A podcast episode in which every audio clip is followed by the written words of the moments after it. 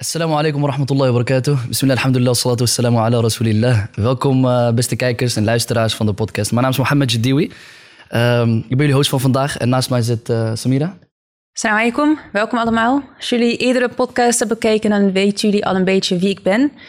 Voor degene voor wie uh, mij voor het eerst zien, mijn naam is Samira Ibrahim en ik ben jullie co-host voor vandaag. Ik studeer zelf aan de TU. Ik doe daar een master in watermanagement en in science education. En afgelopen maand heb ik zelf ook voor de klas gestaan om wiskundeles te geven. Geloof ik. Inderdaad, mooie intro. En we hebben een uh, bijzondere gast vandaag. Oested moet ik eigenlijk zeggen. Oested Youssef.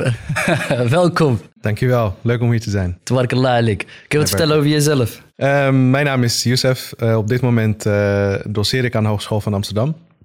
Uh, ik zit bij de, op, uh, de, de, opleiding toegepaste wiskunde en daar doe ik aan de ene kant uh, onderwijs, dus lesgeven, studenten begeleiden, maar ook onderzoek naar elektrische mobiliteit om heel specifiek te zijn. Dat is interessant. En, en, naast het doseren bij, bij de hogeschool ben ik zelf bezig met een eigen initiatief, een, een app om het leren te personaliseren, maar daar gaan we straks ongetwijfeld over hebben. Echt de educatie, ja. educatieve podcast wordt het inshallah. Helemaal, ja. um, ik, ik was op je LinkedIn aan het kijken. En, uh, en ik zag een mooie quote, echt gewoon bij je profiel. En uh, er stond: Actions speak louder than words. Maar ik vond het een hele mooie. Waar komt die vandaan? Ik vind hem zelf ook een hele mooie quote, omdat we leven in een tijd waar heel veel wordt gezegd. En, en eigenlijk het enige wat je kan, kan meten of iemand iets heeft gedaan of niet. En uh, dat vind ik zelf heel belangrijk. En die quote, ik heb hem zelf van, van het programma The Apprentice. Zegt me niks. Er zijn twee, twee versies. Eentje van, uh, uh, van de VS werd toen gehost door uh, Donald Trump. Okay. Is niet leuk om naar te kijken. okay. En die van de UK door Lord Sugar, die heeft een hele diezelfde filosofie. Ik wil gewoon acties zien en, ja. en geen, geen woorden. En is mij laatst verteld dat het eigenlijk uit een film kwam van Alfred Hitchcock, volgens mij. Ik, ik, was er niet van bewust. Okay. Maar kennelijk iemand die mij ook kent, die zag die quote op mijn LinkedIn staan en die was bezig met een workshop. En ik was, nadat hij die workshop had gegeven, had ik een meeting met hem. En hij liet heel trots een flip over zien. En uh, zei van ja, dit is wat we hebben afgesproken. En onderaan stond Actions speak louder than words met mijn naam erachter. Dus kennelijk uh, is dat iets wat meerdere mensen opvalt. En ik vind het wel mooi om, uh, om zo te Ja, dat is ook iets wat mij dus direct opviel. En toen dacht ik van hé, hey, dat is wel dat is, dat is het mooie namelijk. Ja, zeker, ja, zeker. En is dat ook iets wat je, wat je in de praktijk brengt, wat je echt heel belangrijk vindt? Vind ik wel heel belangrijk, ja. ja. Ik denk, uh, om, om heel concreet uh, te zijn, uh, ik zit zelf heel erg in het onderwijs. En ik vind het heel belangrijk dat er iets gebeurt in, het, in het onderwijssysteem. En heel veel mensen ook. Uh, ik heb ervoor gekozen om zelf concreet met iets bezig te zijn. In plaats van alleen maar te hebben over de filosofie, hoe, hoe het in de toekomst eruit zal zien. En wat uh, kunstmatige intelligentie zou betekenen, enzovoort, enzovoort. Je kan helemaal losgaan in het bedenken van hoe de toekomst eruit zou moeten zien. Maar je moet eigenlijk ergens beginnen. En ik ben toen gewoon begonnen. En dus dit is maar een voorbeeld van wat ik nu doe. Maar het, het, het, het komt steeds terug dat, oké, okay, leuk dat filosoferen, leuk het uh, lange termijn denken in een, in, uh, in een stip aan de horizon. Maar je moet echt nu met iets doen en anders kom je daar nooit. Ik hoorde net wel kunstmatige intelligentie. En wellicht dat sommige kijkers, we hebben ook uh, ja, jongeren en jeugd die nog ja. op school zitten. Ja. Dus misschien om een Even korte samenvatting van wat dat precies is voor uh, de duidelijkheid ja. voor onze luisteraars en kijkers. Ja. Kunstmatige intelligentie, de, uh, het woord zegt het al. Uh, het, het, gaat over intelligentie, maar dan niet menselijke intelligentie, maar kunstmatig, gesimuleerd door een, een, een, computer of een robot. En je ziet de laatste tijd dat steeds meer taken die vroeger alleen door mensen gedaan konden worden, het denkwerk, uh, dat kan steeds meer door algoritmes gedaan worden. Dus je simuleert in feite de intelligentie van de mensen en vandaar de naam kunstmatige intelligentie. En uh, je, hebt het over, over, over uh, het schoolsysteem gehad. Hoe, hoe heb jij jouw school doorlopen, zeg maar, vanaf, vanaf de start? Nou, vanaf de start. Uh, ik heb in eerste instantie hier niet op school gezeten, zeg maar de, de, de, de jongere jaren. Ik, uh, ik heb in Marokko op school gezeten tot, uh, tot mijn zestiende. En vanaf mijn zestiende hier in Nederland. Dus ik kwam blanco, ik moest nog Nederlands leren. En dat heb ik toen bij het Belage Lyceum gedaan. Ze hadden een geweldig systeem dat je aan het begin, de eerste twee of drie maanden, ben je alleen maar met taal bezig. Je bent woorden aan het leren, zinnen aan het leren. En dat doe je ook nog eens in een klas waar alleen maar internationale mensen zijn. Dus je kan niet in je eigen taal met andere mensen spreken. Je wordt gedwongen om ja, Nederlands te spreken. Om Nederlands te spreken. Anders wordt het heel saai, dan kun je niet Ah, dat is wel communiceren slim met bedacht. andere mensen. Ja, het was echt een heel goed systeem. Dus na de, de, de intensieve taalkursus ga je dan eh, in, in, in wat heet een internationale schakelklas. En dat is in feite een, een, een, eh, ja, een vrije klas waar je gewoon kan laten zien wat je, wat je kan. Je kan op je eigen initiatief eh, examens of toetsen gaan doen. En aan het eind van het jaar wordt gekeken van oké, maar waar sta je nu? Waar kunnen we je Het plaatsen? is heel vrij eigenlijk. Ja, dus je wordt, je wordt wel begeleid. Er zijn natuurlijk heel docenten als je vragen hebt. Maar eh, als het gaat om wanneer je eh, welke vak wil afronden en wanneer je welke vak wil beginnen, dan ben je daar redelijk vrij in. En na dat traject eh, ben ik de HAVO gaan doen. En hoe lang duurde het traject? Dat is één, één schooljaar. En hoe was je taal zeg maar aan het eind van dat schooljaar? Je ontwikkelt je wel. Dus je, doet een intensieve taalkursus en op een gegeven moment ga je ook met mensen communiceren. Je gaat vakken ook in het Nederlands doen. Je gaat, het, het is wel spannend natuurlijk. En ik van ja, ik ben net een beetje, kan ik mezelf verstaanbaar maken. En je, je, je- rolt meteen in een, eh, in een klas. Maar dat viel wel mee. Eh, dus je leert ook, terwijl je met vakken bezig bent, leer je ook heel veel over de taal. Hallo. En heb je, heb je toen al je liefde voor wiskunde opgemerkt? Of eh, is dat later pas gekomen? Nee, dat is in de loop van de tijd ontstaan. Sterker nog, wiskunde toen ik in, in de schakelklas zat, eh, was niet een van mijn sterkste vakken. Het heb ik wel goed afgerond. Eh, maar het begin was het niet zo heel sterk. Ehm, eh, dus ja, dat is, de, de interesses die zijn in de loop van de tijd eh, Als ik ontwikkeld. dit ook zo hoor, dan, dan, dan zou ik zeggen dat je taaltechnisch heel sterk bent. Want je bent op je 16e naar Nederland gekomen en je spreekt, eh mashallah, gewoon accentloos Nederlands. En keurig Nederlands. Je bent, eh, Dankjewel. je, bent, je bent ook docent van het jaar geworden, uh, Loma Werk. Eh, en niet één keer, maar zelfs eh, twee keer. Eh, dus dat geeft wel aan dat je, dat je heel gedreven ook was, ook al in die tijd. Ja, de taal is, is belangrijk. Is, is, is een middel om te communiceren en daarmee ook in verbinding te staan met, met de mensen en dus met de samenleving. Dus Ja. als je dat niet beheerst, dan sta je al heel snel erbuiten. En Heel dat, dat, dat vond ik heel belangrijk. Ja, nog steeds. En toen ben je de HAVO, dus eh, toen kon je direct doorstromen in de HAVO. Ja, HAVO 4, HAVO 5 gedaan. Met, eh, toen hadden we natuur en techniek en natuur en gezondheid profielen. Tegenwoordig is dat denk ik anders, maar Nee, nog steeds. nog steeds. Ja. Oké. Ja. Nou, ik heb toen natuur en techniek gedaan en ik twijfelde van oké, wat wil ik gaan doen? En ik heb bij een, paar hogescholen gekeken en er was niet echt een opleiding wat mij eh, aansprak. En eh, toen dacht ik gewoon, nou, nou ga ik even nog twee jaartjes twijfelen. Heb ik eh, de VWO gedaan, vijf VWO, zes VWO. Eh, met als gevolg dat ik pas op mijn negentiende klaar was met, eh, met mijn middelbare school. Maar ik had, ja, eh, ik had er niet per se last van. Ja, pas op je negentiende. In principe als je het normale schooljaren doorloopt, dan ben je 18 ongeveer als je klaar bent met de VWO. Dus dan heb ik een jaartje achterstand. Dus. Ja. het valt reuze mee. Ja, voor mijn gevoel was het, het voelt als een achterstand toen. Hè? Ja. Dus, Vergeleken met anderen. Maar misschien was dat puur een perceptie. Omdat je sowieso begint met een achterstand en je moet zoveel inhalen. En dan... Was je ook extra gedreven toen? Ja, ik denk, eh, ik denk het wel. De, de, de wet van de stimulerende achterstand was wel eh, van toepassing in dat geval. Ja. Dus dat gevoel van achterstand, dat was niet een belemmering, maar juist de motivatie Ja. om nog beter Ja. en nog harder aan de slag te ja, gaan. ja Mooi. zeker, zeker. Mashallah. En eh, toen heb je dus VWO afgerond op je negentiende. Ja. Wat voor mij gewoon nog ontzettend jong klinkt. dus het echt, eh, dat heb je echt heel netjes gedaan. Ja, mooi. Ehm, eh, wat is daarna gebeurd Ik ben daarna naar de TU gegaan. Ehm, in Delft? In Delft, ja. Ik heb eh, heel veel, bij heel veel opleidingen gekeken. En ik wilde iets heel praktisch doen, waar heel veel wiskunde en natuurkunde in voorkomt. Wat, wat, wat, ja, wat gewoon eh, eh, toegepast is. En ik kwam heel snel bij lucht- en ruimtevaarttechniek. Het sprak me aan op een of andere manier. Het was heel, heel abstract, heel wiskundig, heel technisch, maar tegelijkertijd ook heel concreet. Want je bent bezig met één specifiek vakgebied. Ehm, aan de TU heb je ook eh, de opleiding eh werktuigbouwkunde. Eh, dat, dat is een vergelijkbare opleiding. Je hebt ongeveer dezelfde vakken. Maar het is een veel bredere opleiding. Je kijkt meer naar het ontwerpen van mechanische systemen. En wat mij trok bij lucht- en ruimtevaarttechniek was gewoon... Ja, het, is gewoon, het gaat om heel concreet één, één specifiek vakgebied. Ja. Dat vond ik heel mooi. Je hebt wel hele zware wiskunde nodig. Ja, ja, de eerste twee jaar vooral. De eerste twee, ja, ik denk dat dat geldt voor alle TU-opleidingen. Eh, je wordt in jaar 1 en jaar 2 doodgegooid eh, met calculus en eh, differentiaalvergelijkingen en weet ik het allemaal. En als je doorheen komt, dan weten ze dat je dat ook kan halen. Dat je dat, dat, je dat een beetje, dat je in, in staat bent om, om dat niveau te halen. Precies. Ja. ja. Ja, maar als ik het zo hoor, dat is, dat is best een mooie, een mooi traject wat je hebt doorlopen. Dus je bent in Marokko heb je gestudeerd tot je zestiende. Toen ben je vervolgens naar Nederland gekomen. Heb je eigenlijk binnen één jaar zo hard mogelijk je best gedaan om, om de taal te beheersen. Eh, toen ben je gewoon doorgerold in het eh, HAVO, vervolgens VWO en vervolgens aan de TU heb je gestudeerd. Uh, heel mooi, heel mooi hoe je dat hebt gedaan. Dankjewel. Ehm, alleen, zeg maar, je hebt niet, je hebt niet het standaard, zeg maar, Nederlandse traject gevolgd, wat, wat we hier in Nederland hebben. Ehm, maar ik denk dat het je niet vreemd is. Het basisschool en dan middelbare school.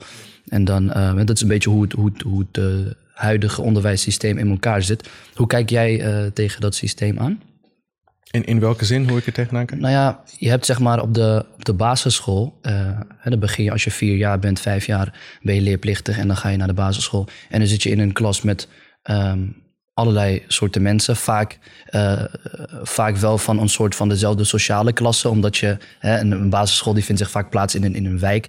Ehm, maar qua intelligentie is er heel veel diversiteit in zo'n klas. Ehm, en eh, zeg maar wat ik zelf eh, wel heb gemerkt op een gegeven moment is ehm, dat je toch, eh, dat je toch ergens tegen een plafond aanloopt of zo. En je, je wil verder, maar je kan niet verder. De je, uitblinker, zeg maar. Dus, eh, ja, precies. En dat, ja, hoe, hoe, hoe, hoe zie jij dat? In wat dat betreft loopt ons onderwijssysteem heel erg achter. hè. We lopen voor in het gebruiken van digitale middelen en, en een whiteboard of een smartboard. Dat is wel, hè, dat proberen we steeds in te voeren. Maar hoe we onderwijs geven is nog steeds hetzelfde. Je hebt nog steeds een leraar voor de klas met groep van zoveel kinderen.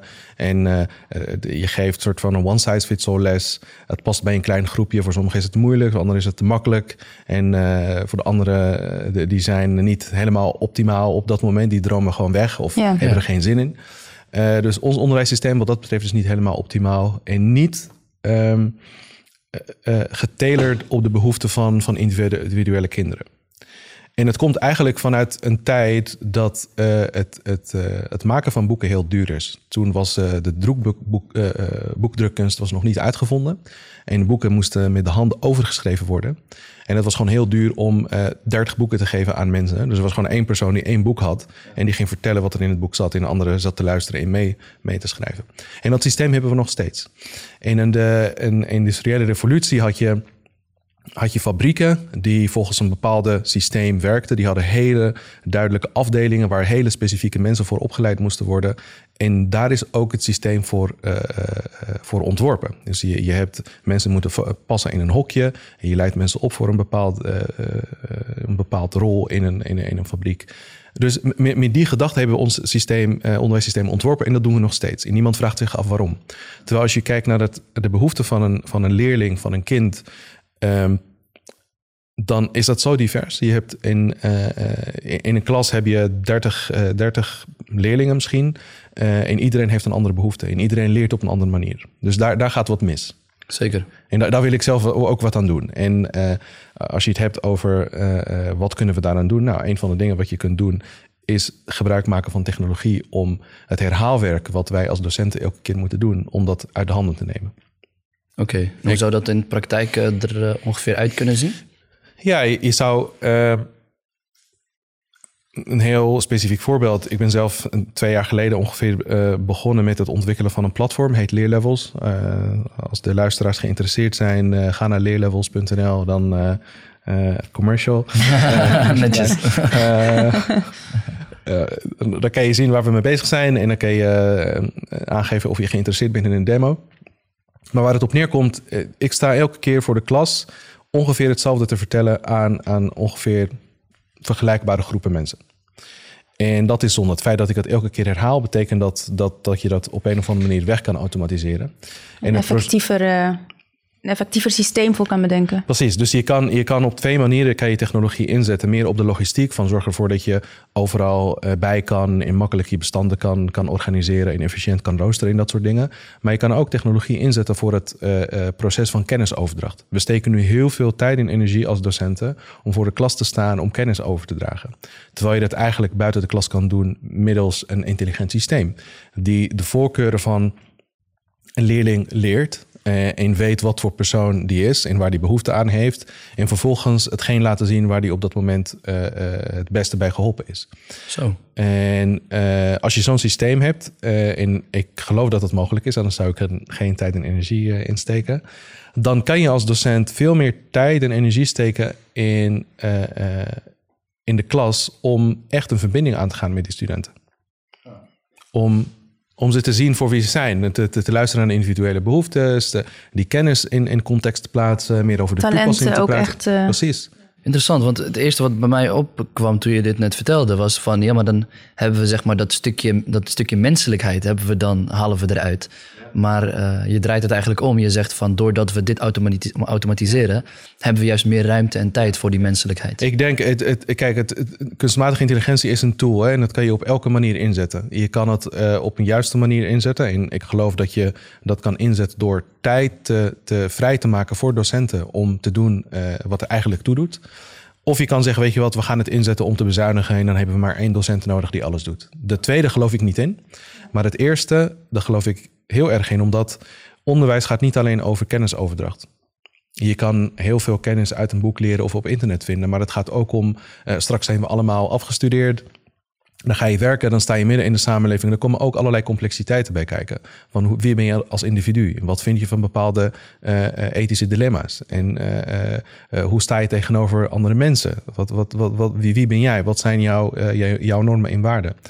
En als ik als docent elke keer voor de klas sta om uit te leggen hoe je moet differentiëren, en dan blijft er geen tijd over om het te hebben over die andere zaken die belangrijk zijn. Ja, ik vind dit wel heel interessant, want ik heb dus de afgelopen maanden ook wiskundeles gegeven.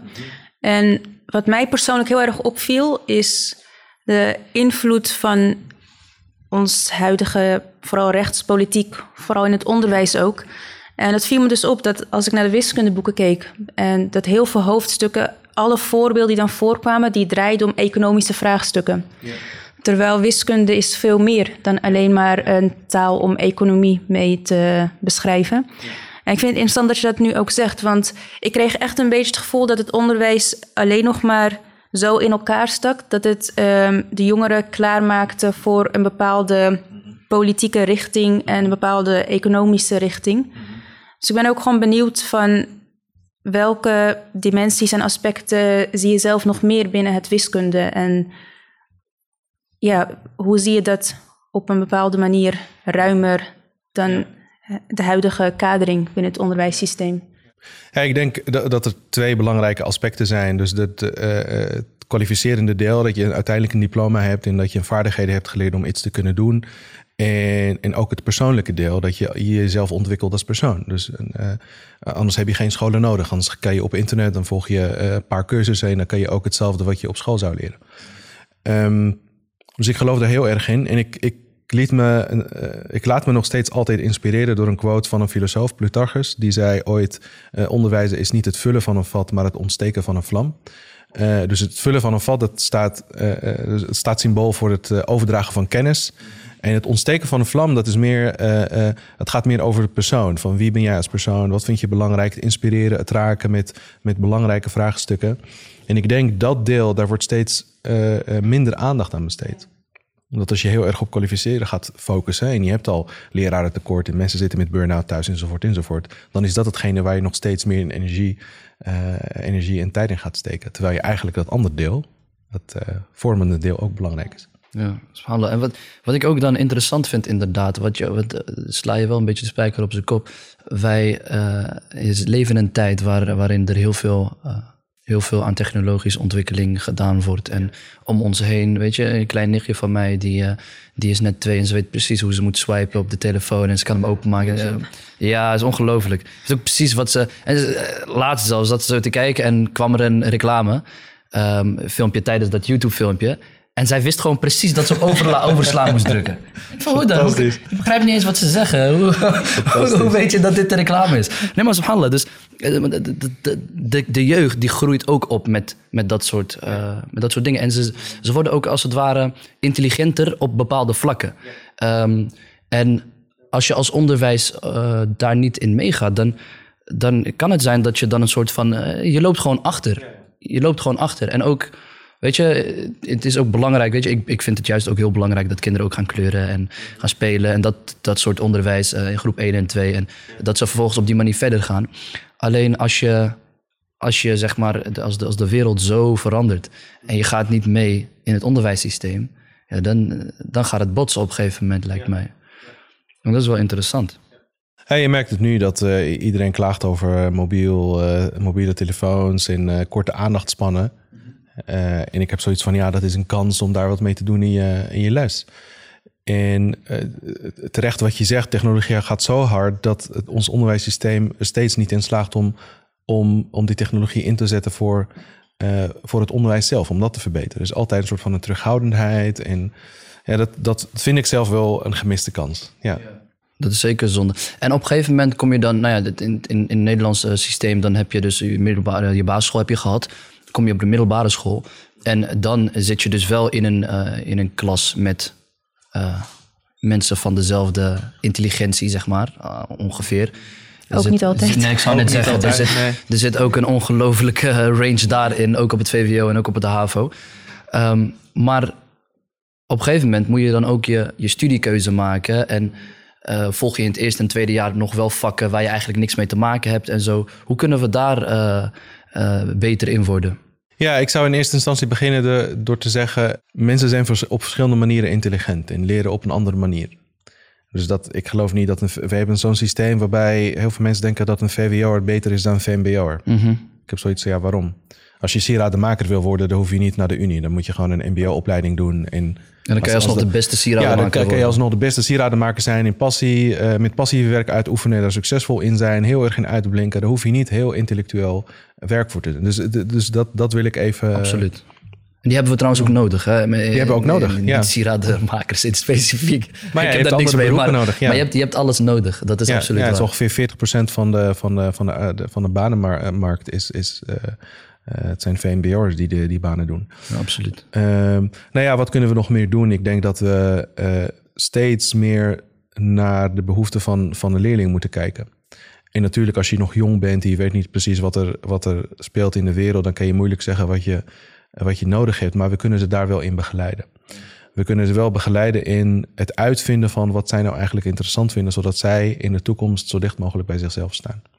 En ik heb het idee dat we ze nu inderdaad, wat je net beschreef, we leiden ze op voor een bepaalde richting. Ze moeten een bepaalde vakken kennen. Dat is ook belangrijk. Je moet, je moet ook vaardigheden hebben. Maar je moet ook leren heel steeds dichter bij je persoon. En, en grappig genoeg zijn het meestal vraagstukken die later in je leven een rol gaan spelen. Dus je hebt een, een universitaire opleiding gedaan, dan ga je werken, dan heb je een midlife crisis en dan pas ga je afvragen: oh ja, maar wacht even, wie ben ik? Ja, dat is te laat. ja. Zeker te laat. Het is goed dat je erover nadenkt, maar het is gewoon te laat. Je moet er weer mee beginnen vanaf het moment dat je, dat je op school zit. Ja.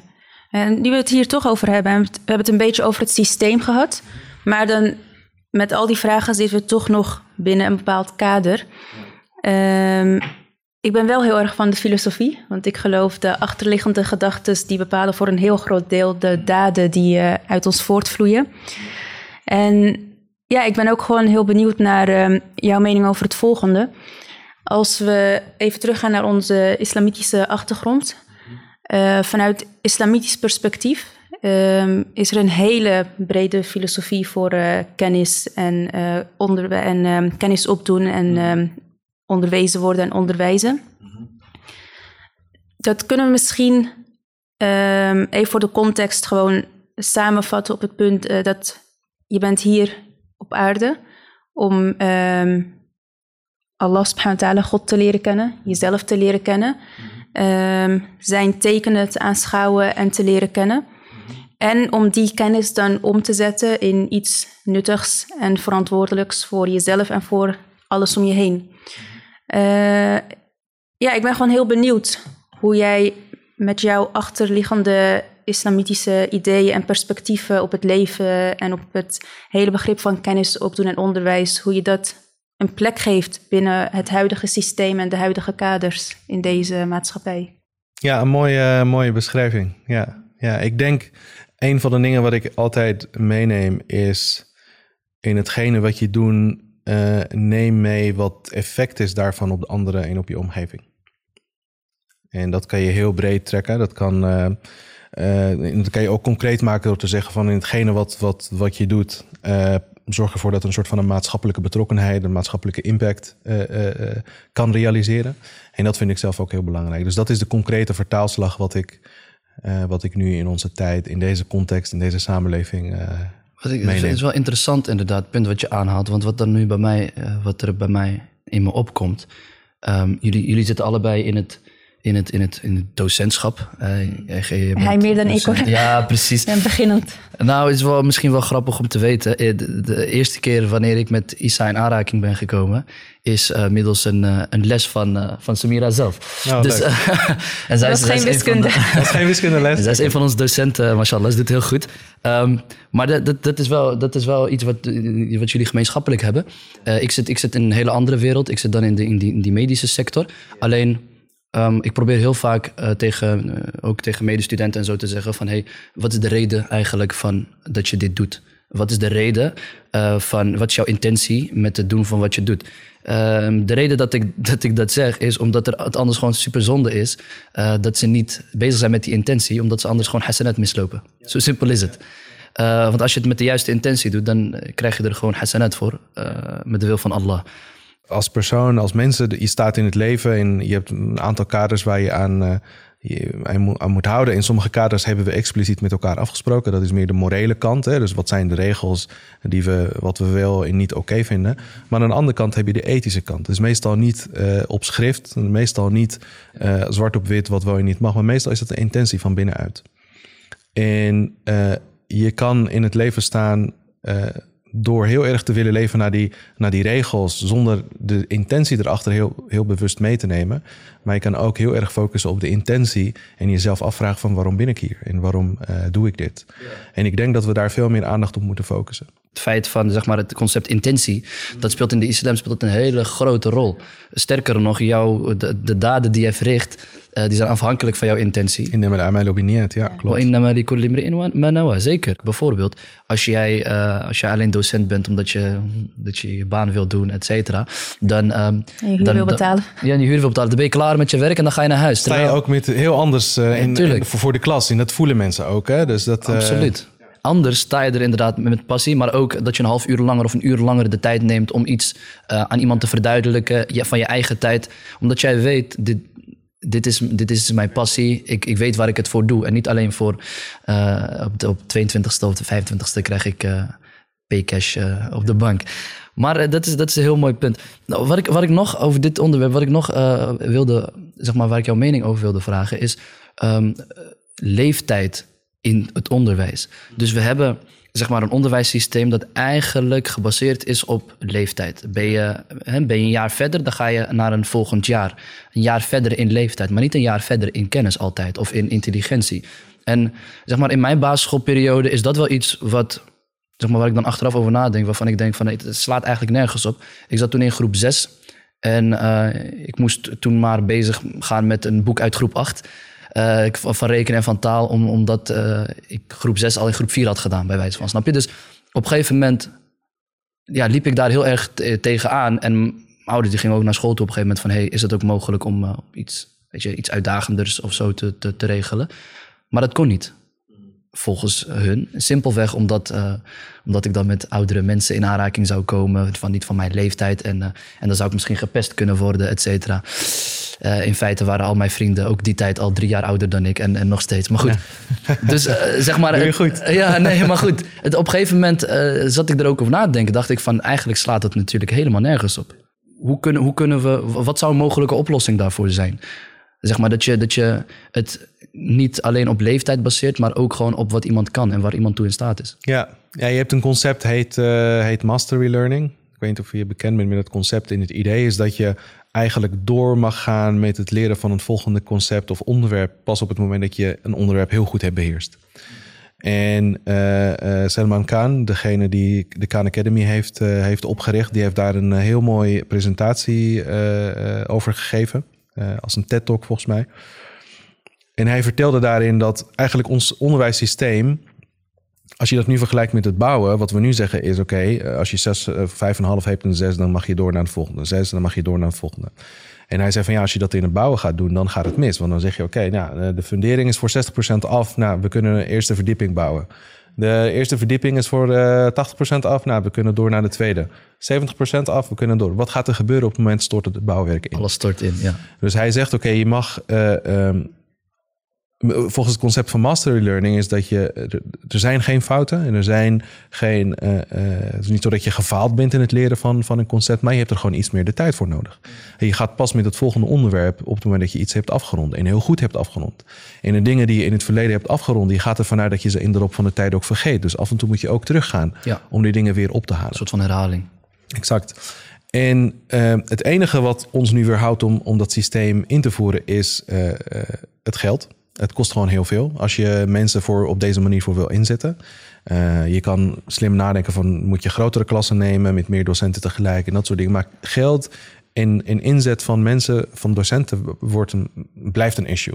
Dus daarom geloof ik heel heilig in het inzetten van technologie om een aantal taken uh, uit handen te nemen van docenten. Dat is het jammer, want uh, eigenlijk mogen we super trots zijn op, op het Nederlandse onderwijssysteem. En de manieren waarop Nederland het educatieniveau en het kennislevel van Nederland is, uh, is gewoon heel, Absoluut. Zo we, hoog. We, we, we, maar we mogen altijd kritisch zijn. We zijn we, nee, we klagen niet, we zijn kritisch. Nee, nee maar dat is, maar dat is ook gezond. Dat is ook wel eens gezond. Alleen, uh, het, het, het, wat, wat mij dan wel weer dus opvalt aan het systeem... en daar mogen we gewoon altijd kritisch zijn... is dat we, zeg maar, de, de uitblinkers... die krijgen niet altijd... Um, de, daar wordt niet voldoende aandacht aan gegeven. En de uh, de, zeg maar, de mensen die juist meer aandacht nodig hebben, daar wordt ook niet voldoende aandacht aan gegeven. Dus dan heb je altijd een, de, de, de middenmoot die het gemiddeld prima doet. En dat is dus ook wat je ziet. Alleen niet echt die, die uitblinkers. En dat zou misschien dat zou beter kunnen, denk ik. Ja, mooi. Ik kan dan wel misschien in detail vertellen over leerlevels, want daar is het uiteindelijk voor, voor ontwikkeld. Met als idee dat eigenlijk ieder persoon een, een eigen leerroute moet kunnen volgen naar een einddoel. En in grote lijnen bestaat leerlevels uit twee, uh, twee onderdelen. Aan de ene kant een curriculum, wat op een bepaalde manier is opgebouwd. Ga ik zo meteen even verder vertellen hoe dat, uh, hoe dat in elkaar zit. En aan de andere kant een algoritme, die je helpt om heel efficiënt van A naar B te komen. Dus als je kijkt naar hoe we nu een curriculum uh, inrichten, dan is dat vaak heel erg lineair. Van je doet hoofdstuk 1, dan paragraaf 1.1, 1.2 enzovoort. En de onderwerpen binnen een vak zijn meestal uh, hiërarchisch met elkaar verbonden. Dus je hebt een vak, daarbinnen heb je een aantal thema's, daarbinnen heb je een aantal onderwerpen, daarbinnen heb je een aantal leerdoelen. Het is makkelijk om een vak op die manier in te lichten. Alleen het probleem is als je op een gegeven moment ergens vastloopt bij een hoofdstuk waarbij je kennis nodig hebt vanuit een ander hoofdstuk, dan moet er iemand naast je zitten die zegt: hey, ga eens terug naar hoofdstuk 1 en lees nog eens deze paragrafen en maak die en die opgave. Dan weet je hoe dit allemaal in elkaar zit. Maar vaak zijn studenten daar niet en leerlingen er niet toe in staat. Dus wat wij hebben gezegd op een gegeven moment, een, curriculum is niet uh, iets wat lineair is of wat uh, hiërarchisch opgebouwd moet zijn. Het moet vooral chronologisch opgebouwd zijn. Dus je hebt allemaal onderwerpen, uh, of leerdoelen kan je zeggen. Met, voor elk leerdoel heb je voorkennis. Dat kunnen meerdere leerdoelen zijn. En als je een leerdoel hebt afgerond, dan kan je andere onderwerpen dan gaan, gaan doen. Dus dan krijg je daarmee krijg je een netwerk aan leerdoelen in plaats van een hoofdstuk of een hoofdstukken in een boek. En het mooie aan zo'n netwerk dat je uh, gegeven een einddoel waar je moet zijn, kan je een verschil, verschillende paden bewandelen naar hetzelfde einddoel. Dus dan kan je differentiëren in iemand die echt die basiskennis even moet opfrissen voordat hij de moeilijke onderwerpen kan doen. En iemand die allemaal moeilijke dingen al kan en heel snel naar uh, uh, de moeilijke onderwerpen, uh, met het moeilijke onderwerp verder kan. Dus alleen al in het ontwerpen van een curriculum kan je heel veel bereiken. Dus dan zie je dat niet meer als een opbouw van, van, van chronologische hoofdstukken, maar meer als leerdoelen of competenties die je moet behalen. En dat allemaal in een netwerk met elkaar verbonden. Het is gewoon echt een beetje ook een beetje out of the box denken wat betreft een curriculum. Dat het niet um, maar één, uh, op één ja. manier uh, opgebouwd hoeft te zijn. Ja. Dat is heel interessant. En, en is dat dan voor, uh, voor het hoger onderwijs of voor het middelbaar onderwijs? Je kan het voor elk vak kan je dat gaan doen. Voor de exacte vakken is dat meer of makkelijker om op zo'n manier op te bouwen. Omdat je bij, bij wiskunde dan bouw je onderwerpen op. Dan begin je met 1 plus 1 is 2 en dan ga je steeds moeilijker. En die onderwerpen zijn met elkaar verbonden. Maar als je een ander vak neemt als taal of geschiedenis En dan heb je meer rondom, eh, dan zijn de vakken meer rondom thema's. En binnen die thema's heb je leerdoelen die met elkaar verbonden zijn. Maar dan is dat iets moeilijker om, eh, om op die manier in te richten. Maar in principe zou je het voor elke kennisdomein kan je een, een, een, een, een curriculum op, deze manier inrichten. Nee, we zijn ehm, met de cursus van Isa van Arabisch hier. Ik vind het heel interessant, want ehm, eh, ja, we zijn ook al een paar jaar gewoon bezig om ehm, bepaalde boekjes, eh, een soort werkboekjes dan eh, te ontwerpen en eh, goede aansluiting te maken met de verschillende niveaus. En ja, nu, nu je dat zo vertelt, denk ik dat zou ook wel echt iets zijn voor, ehm, voor het leren van de Arabische taal. Gewoon met de doelstellingen die wij hier hebben, om daar wat meer over na te denken. Om dat op een iets andere manier aan te pakken dan hoe dat altijd eh, gaat. Met een bepaalde starre instelling. Dus eh, Als jullie daar ideeën bij hebben, of als jullie dat op een gegeven moment gaan ontwikkelen, la- hou mij op de hoogte. want ik Ja, heb, eh, zeker. ik ben ook geïnteresseerd om te kijken van hoe Ja. past dit eh, bij andere vakken, behalve de exacte vakken. Nou, ik vind het sowieso interessant, want we hebben het nu sowieso wat meer over taal gehad tijdens deze podcast. En er wordt ook altijd gezegd van wiskunde is de taal van wetenschap. Dus, eh, en vroeger was het de taal van filosofie voor bepaalde wiskundigen. Dus ergens heeft wiskunde zelf ook een eh taalaspect wat eh, Ah ja, erin mooi, eh, mooi. verwerkt is. Als ik nu zo terugkijk wat we hebben besproken, we zijn heel erg ingegaan op het systeem. We hebben het over schoolsystemen gehad en jouw eigen groei daarin. Maar laten we een beetje inzoomen op het docentschap. Dat is ook heel belangrijk. En ja, mashallah, je hebt eh 2018 de prijs gewonnen voor docent van het jaar. Landelijk. Landelijk, ja, geweldig. In 2017 heb je ook een prijs gewonnen, docent van het jaar, voor het eh, HVA was dat. Ja. Eh, ja, ik zou graag willen vragen van ehm, hoe, hoe was dat voor jou? En vanuit jouw perspectief, wat maakt jou als docent anders dan een andere docent?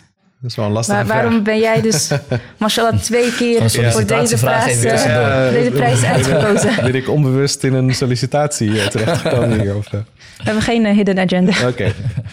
Nee. ehm, nee, hoe, hoe was dat voor mij? Ja, goh, het was een super, super mooi om mee te maken. En, eh, en, en eh, het maakt heel veel mogelijk. En eh, ja, met die prijzen eh, kwam ook eh, een, een geldprijs. De, de ene was 2000 euro, de andere 25.000 euro. Bij elkaar 27.000 groot verschil. euro.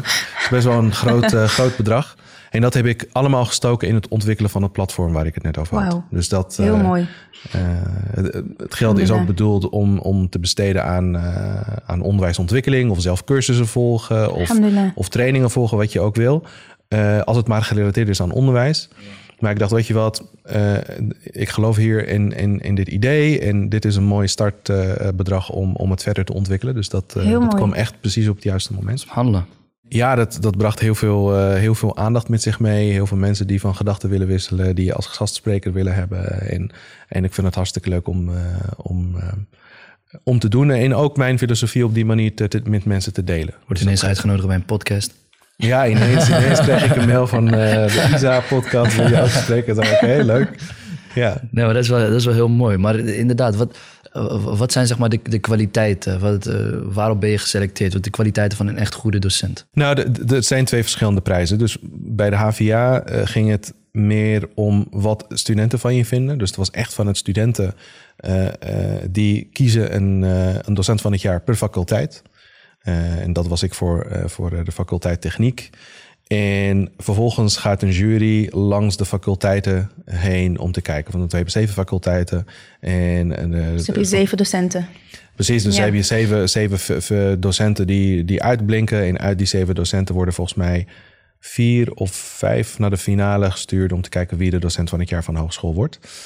En daar kijkt een jury naar, want die moet vakken met, of vakgebieden met elkaar kunnen vergelijken. Als je bijvoorbeeld een designopleiding geeft, eh, dan kan je veel meer doen als het gaat om interactie en creativiteit dan wanneer je een, een eerstejaars wiskunde geeft, waar je eh, lineaire vergelijkingen en dat soort Echt dingen de theorie nog moet uitleggen. Precies.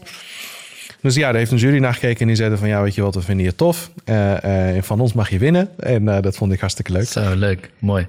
Dat was dus de, de, de HVA-docent van het jaar. En de landelijke docent van het jaar, dan, dan gaan alle universiteiten en, en hogescholen iemand voordragen met een, met een soort van een essay over wat, wat is nou je visie op onderwijs.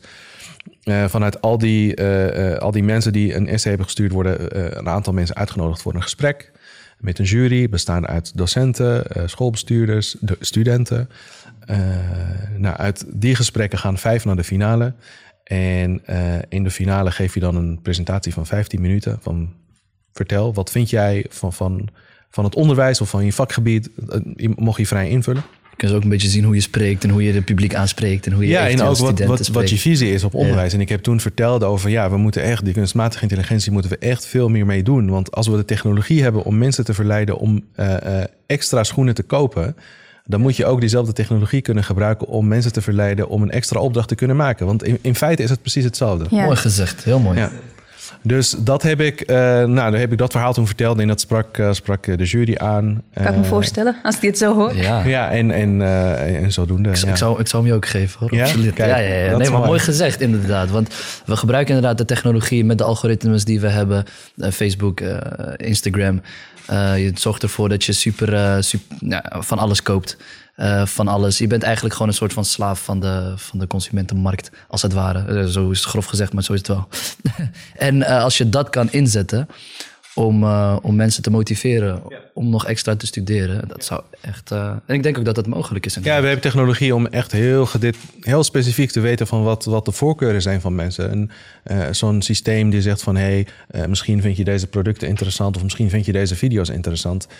Dat staat niet zomaar daar. Er zit een hele algoritme achter die bepaalt van oké, okay, mensen die op jou lijken, die ongeveer op hetzelfde hebben geklikt en hetzelfde hebben gedaan, die hebben ook dit interessant gevonden en dan krijg je dat ook te zien. En dan kun je op diezelfde manier uh, onderwijs gaan personaliseren. Zou dat mensen ook kunnen helpen bij hun studiekeuze? Het zou kunnen, ja. Ik denk dat je dat zeker zou kunnen inzetten. Want dat is natuurlijk wel altijd een grote, groot vraagstuk. Dan kom je in de derde klas en dan ben je nog 16, 15. En dan, uh, dan wil je graag, uh, of, of 14 zoals ik voor oud je bent in de derde. Maar dan, uh, dan, dan ben je nog heel speels en zo. En dan ben je nog niet serieus bezig. Maar dan moet je, word je al wel gedwongen om, om na te denken over wat je precies wil. En dan laat je vakken vallen. En dan heb ik vaak gehoord dat mensen bepaalde vakken laten vallen waar ze die achteraf... ze later nodig hebben. Die ze later ja. nodig hebben om hun studie te doen. Dus dan is de vraag van, is het te vroeg, die studiekeuze? Is het, moet dat, zou dat eerder moeten of later moeten? Maar dan, uh, als, als, als je zeg maar dan zoiets zou kunnen gebruiken, wat je, nou, ik weet niet, het is wel eng hoor, vind ik, moet ik heel eerlijk zeggen. Ja, ja nee, ik, ik, geloof, ik geloof ook niet dat je dit op zo'n manier moet inzetten. Ik, ik, dan stuur je mensen al een bepaalde kant op. Ik denk, een, een, wat, me, wat mij, wij mensen hebben wat een algoritme niet heeft, is creativiteit. Is dingen uh, uh, te zien die er nog niet zijn. Het heeft een algoritme ook... nog niet, hè? Ze nog weet niet. niet wat de toekomst weet in niet wat de toekomst met zich meewerkt. Er zijn mensen die geloven dat, dat die ook creatief kunnen zijn. Maar dat terzijde. Maar wat wow. wij nu als mensen hebben als unieke eigenschap... is dat wij in de toekomst kunnen kijken... iets voor ons kunnen zien en dat ook gaan maken.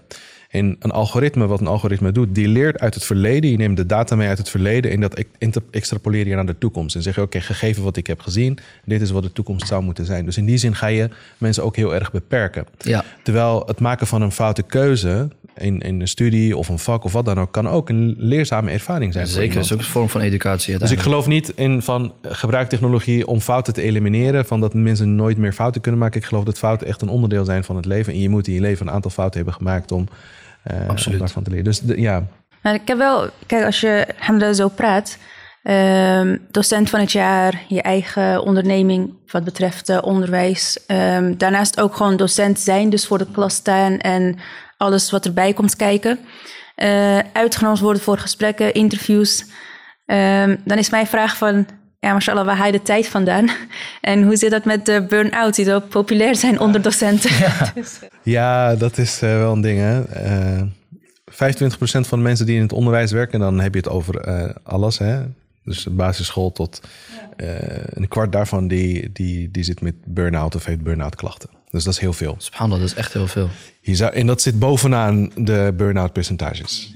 Het zijn cijfers van een paar jaar geleden en ik verwacht dat het niet uh, drastisch is veranderd. Je zou denken dat de bankiers en uh, dat, dat die mensen die zoveel uren maken en altijd onder stress werken, dat die bovenaan staan. Maar op een of andere manier is het onderwijs. En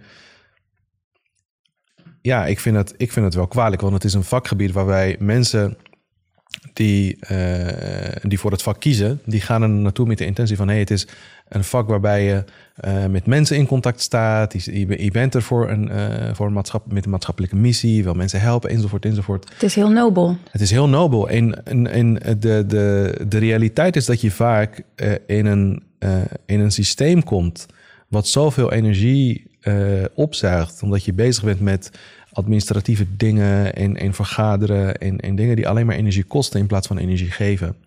En daar komt ook nog eens bij dat doseren is vaak een eenzaam beroep. Je staat in je eentje voor de klas. Je bent in je eentje je les aan het voorbereiden. Je hebt collega's om je heen, maar je bent vaak alleen maar met de praktische dingen bezig. Wie kijkt de tentamens na en wie gaat ze maken en, en, enzovoort. Exact.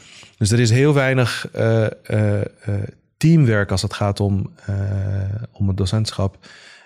En dat zorgt ervoor dat mensen eh, misschien eerder burn-out krijgen- klachten krijgen. Heeft het ook te maken met misschien een stukje waardering? Eh, Want ehm, Ja. vaak doen docenten die doen het uit, eh, uit wil om, om, om andere mensen te helpen. Dat zijn vaak eh, qua karakter ook, ook lieve, goede mensen die, die het beste met hun medemens voor hebben. Je hebt goede docenten gehad. Ik, ik heb echt een hele leuke docenten gehad. Ja, absoluut. Absoluut. alhamdulillah. Ja, ik ga hem toch weer gooien. Ik kom uit Friesland. Friesland heb je toffe docenten. Nee, maar... Ja, helemaal mee eens. Helemaal mee eens. Nee, nee, maar eh, even, even, even alle gekheid op een stokje. Het is, het is denk ik ook dat stukje waardering. Want ja, ja, ik bedoel, niet iedereen kan uitgeroepen worden tot Zeker, docent van het jaar. zeker, En dan laat staan twee keer.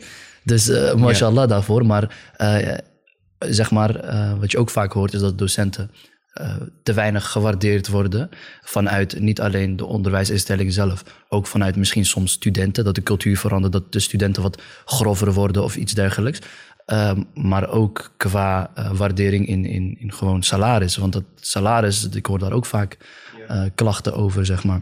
Ik denk dat er zeker is wat, wat, aan gedaan, eh, zeker is wat aan gedaan moet worden. En als het gaat om het waarderen van, van docenten, je noemt het al, het speelt op verschillende lagen vanuit de organisatie, vanuit, eh, vanuit de maatschappij ook. Van hoe kijken we eh, eh, naar docenten? Eh, als je kijkt naar, eh, naar Finland bijvoorbeeld, dan staat het beroep docent in, Ja, in het rijtje hoog. van advocaten, artsen en docenten. Terwijl hier, hier kijken Onderaan we de er heel anders ladder. Is echt op een Bijna heel ander- onderaan de ladder. Maar zeg maar, is, islamitisch gezien die sta, staat het ook hoog. Eh, Ja, tuurlijk. weet je, je bent, Ja. eh, ik bedoel, dat is, dat is ook... eh, Ja, daar wordt heel anders naar gekeken. En het- ja, het is nu in de context waar we nu, eh, waar we nu leven, is dat anders. Dus je kan je afvragen of we, we moeten daar wat aan doen. Dat vind ik zeker. En wat we daaraan kunnen doen, weet ik niet. Ik denk dat... eh, Ik vind dat een heel eerlijk antwoord. Ja, serieus. Ja, eh, ja, soms ja. moet het ook zeggen. Ik weet het niet. Dus ja, nee, ik... ik eh, ja, het, het is, het is gewoon heel, heel lastig. En eh, wat, wat, wat kan je daar doen? Je kan, eh, je kan mensen meer gaan betalen. Maar goed, los je daarmee de problemen, problemen op die gepaard gaan Ja, met burn-out en dat soort dingen. En vaak, ik denk, eh, vaak gaat het meer om ook zingeving in je werk. Van vind je het leuk of, of vind je het niet leuk? Eh, en heb je het gevoel dat je echt iets bijdraagt? En in mijn ervaringen ook toen ik als docent ging werken, is dat ehm, als je er niet bewust van bent, dan word je zo meegesleurd in een systeem waarbij je eigenlijk als docent bezig bent met het systeem te dienen in plaats van je werk te doen. Dus je bent alleen maar met een soort van een administratief medewerker die alleen maar dossiertjes aan het invullen is in formuliertjes en weet ik het allemaal. En dan vraag ik me af van ja, haal ik daar energie uit? ja. En eh, heel veel mensen laten zich, eh, eh, ehm, ja, laten zich leiden door, eh, door, eh, door dat systeem. En voor je het weet, eigenlijk hetgene waar je voor hebt gekozen, de betekenisvolle in het onderwijs, namelijk in contact staan met je leerlingen en, en ze inspireren en daar een maatschappelijke missie vervullen. daar is bijna Ben- geen tijd meer Daar voor. ben je geen tijd meer Ja. voor. ja. En een van de dingen wat, wat ook belangrijk is, is dat eh, als je kijkt naar hoeveel tijd je overhoudt om zelf te leren. Heel mooi punt. Het, eh, Er zit echt heel weinig. Ik heb een keertje een overzicht gemaakt van wat, hoe besteed ik mijn tijd.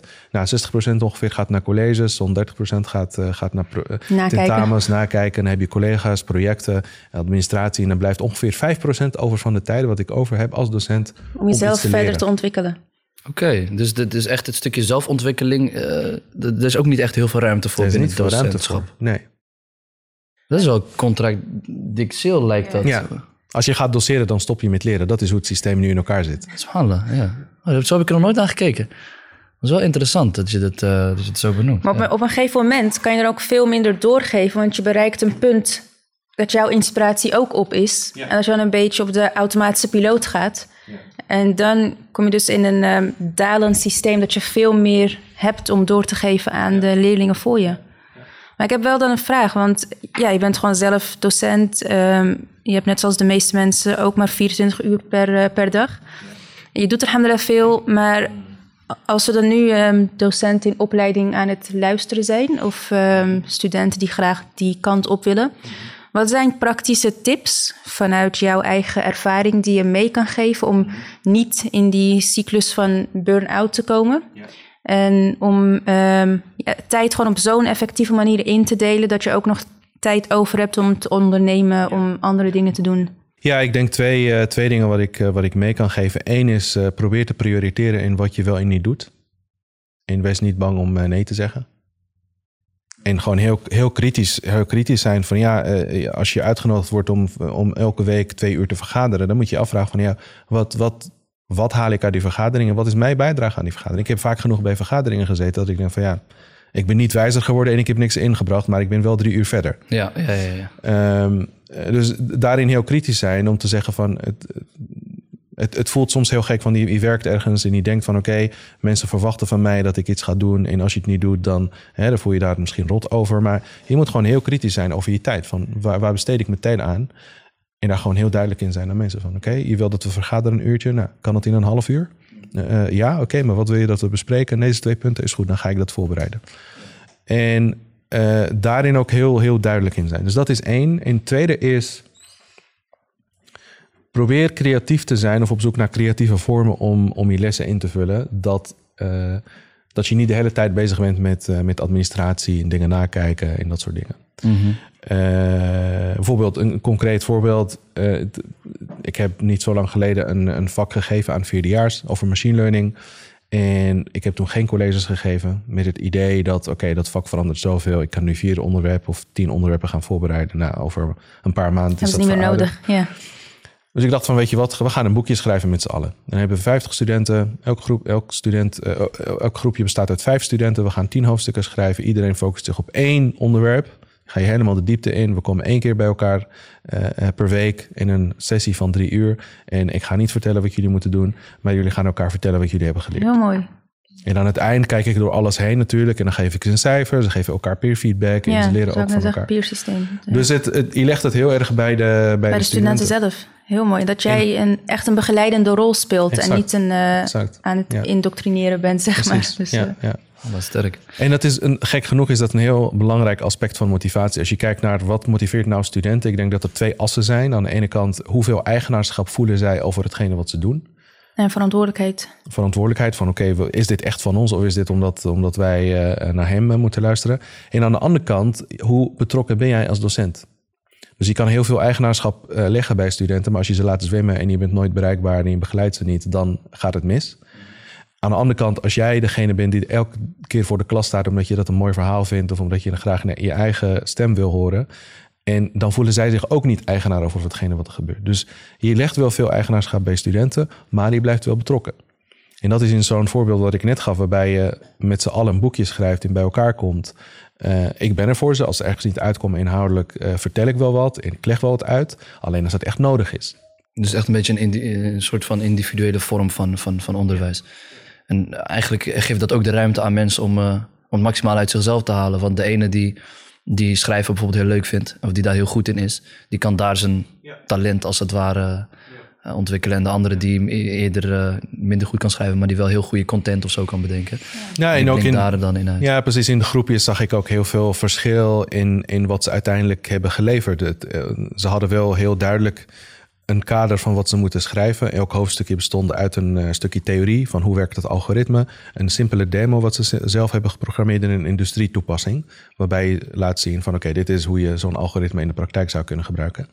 En dan had je groepjes die, die het prima vonden om een heel simpel voorbeeld te geven. eh, die ze misschien van internet plukten en, en, en nog een keer zelf hebben geschreven. Dat, Ja, ja. dat mocht Ja. allemaal. Maar er was een ander groepje die ging aan de slag met ingewikkelde neurale netwerken om, eh, eh, om quotes te genereren. Die hebben een database met allemaal quotes. En mensen die die quotes hebben gezegd, hebben ze ergens gevonden. Dan hebben ze dat algoritme getraind. En dan kan je zeggen, geef me wat wijsheid. En dan krijg je een quote gegenereerd... Actions speak louder than Nee, die, krijgen ze er niet uit. Nee? Die krijgen ze er niet uit. Maar je krijgt een, een nieuwe quote gegenereerd uit de database, of op basis van de database, en een nieuwe auteur. Dus die auteursnamen die werden ook bedacht. Dus dat, dat is superleuk. En dan kan je ook variëren in mensen die heel erg de diepte in willen, in gave dingen willen doen. En mensen die gewoon willen leren hoe zo'n algoritme werkt, in tevreden zijn met een simpele toepassing. ja, ja, ja. Dus dan heb je echt weer het verschil van, eh, van de studenten, zeg maar. Hey, je zei net een woordje wat ik ook heel interessant vond toen we het over eh, burn-outs hadden. Dat ehm, sommigen ook gewoon hun zingeving verliezen wat betreft eh, lesgeven. Ik doe hier momenteel master geestelijke verzorging en dat draait heel erg om zingeving en levensbeschouwing en hoe dat in te zetten in de praktijk. En eigenlijk de traditionele sectors van geestelijke verzorging zijn defensie, gevangenis, psychiatrie, zorg. Eh, daar gaat de geestelijke verzorger dan naartoe en dat is dan ehm, ja, dat zijn eigenlijk de traditionele sectors. Het begint, eh, begint een traject op te komen van, om eh, geestelijke verzorging ook in te zetten binnen bedrijven, omdat daar nu ook gewoon hele hoge druk is. En om dan heel goed te letten op, ehm, gaan we niet te ver in bijvoorbeeld de technologie en vergeten we het mens zijn eh, misschien een beetje. Maar toen ik jou zo hoorde net over ehm, zingeving en burn-outs, is het dan misschien niet ook vanuit jouw perspectief dan een oplossing om ook wat meer vanuit geestelijke verzorging op het onderwijs te focussen en wat meer met docenten te, te begeleiden, eventueel om die zingeving weer terug te krijgen of om eh, überhaupt te leren hoe ze die zingeving zelf kunnen onderhouden in wat ze aan het doen zijn. Zeker, ik, het- ik denk dat het zeker een heel goed idee is om dat, eh, om dat te doen. Vooral wat ik net schetste, je staat echt, eh, je staat er meestal alleen voor als docent. Ehm, n- niet dat je als enige ergens in de opleiding werkt, maar je hebt collega's om je heen, maar dat, dat is meestal rondom hele praktische dingen. En je moet zelf je lessen voorbereiden, zelf je lessen geven en het voelt gewoon heel eenzaam.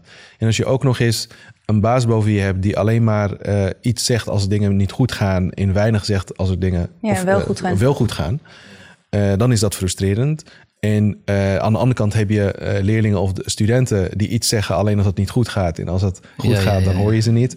Dus dan zit je ertussen en denk je van ja, hallo. Ik, ik, dus dan mis je ook dat stukje eh, waardering wat je echt nodig Maar dit hebt. verhoogt natuurlijk ook ontzettend de werkdruk, dit soort situaties. Want op het moment dat je, dat je ergens dan alleen voor staat en je moet en nog er zijn voor die student en nog eh, de hele stapel nakijken. En, dus En dat- er voor jezelf zijn. En er voor jezelf zijn en nog een stukje educatie voor jezelf eh, in, in willen plannen. Maar ehm, het is eigenlijk een misvatting dan, als ik het zo begrijp, wat mensen eigenlijk hebben over docenten. Als je docent, eh, als je hoort van eh, ik ben docent, dan is het zo van, oh, je hebt Heb die je vakanties. vakanties, en, ja. eh, Die heb je nodig om echt te herstellen Ja, van eh, ja. al het eh, stress wat je meemaakt. Ja, dus ja. dat is echt zo. Maar dat is ook wel eh, jammer, want vakanties zijn er om te genieten, niet te herstellen.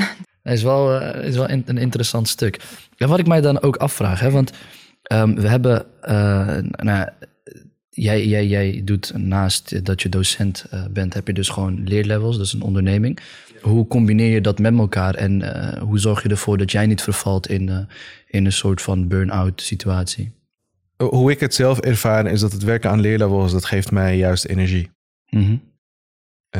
Dus daarin zit voor mij een, een missie, een, een duidelijke doel van hey, dit is waar, wat ik in de toekomst wil. En ik heb bewust ervoor gekozen om niet fulltime te werken nu in het onderwijs, zodat ik nu kan werken aan een onderwijssysteem waar ik in de toekomst wel Fulltime. fulltime, wil werken. Aha. Dus het, het, maken, het vrijmaken van, die, van de tijd en die twee dingen naast elkaar doen, zie ik als een noodzaak. Eh, aan de ene kant omdat ik iets gaafs aan het bouwen ben. En aan de andere kant omdat het mij energie geeft om, om dit te blijven doen. En hoe, hoe, hoe, eh, hoe ziet jouw week er dan uit? Heb je twee, drie dagen dat je eh, aan het doseren bent en de rest stop je dan in je onderneming? Hoe moet je dat zien? Ja, ja dus de- dat is ongeveer de verdeling. Ja. Ja, je hebt natuurlijk af en toe dat je iets in het weekend moet doen en zo. Maar dat, Zoals een dat- eh, podcast met Isa. nee, maar dat, dat, dat is hoe je... eh, ja, dat is hoe de Oké. week eruit ziet. En want ehm, zeg maar, als je, als, je, als je kijkt naar collega's van jou.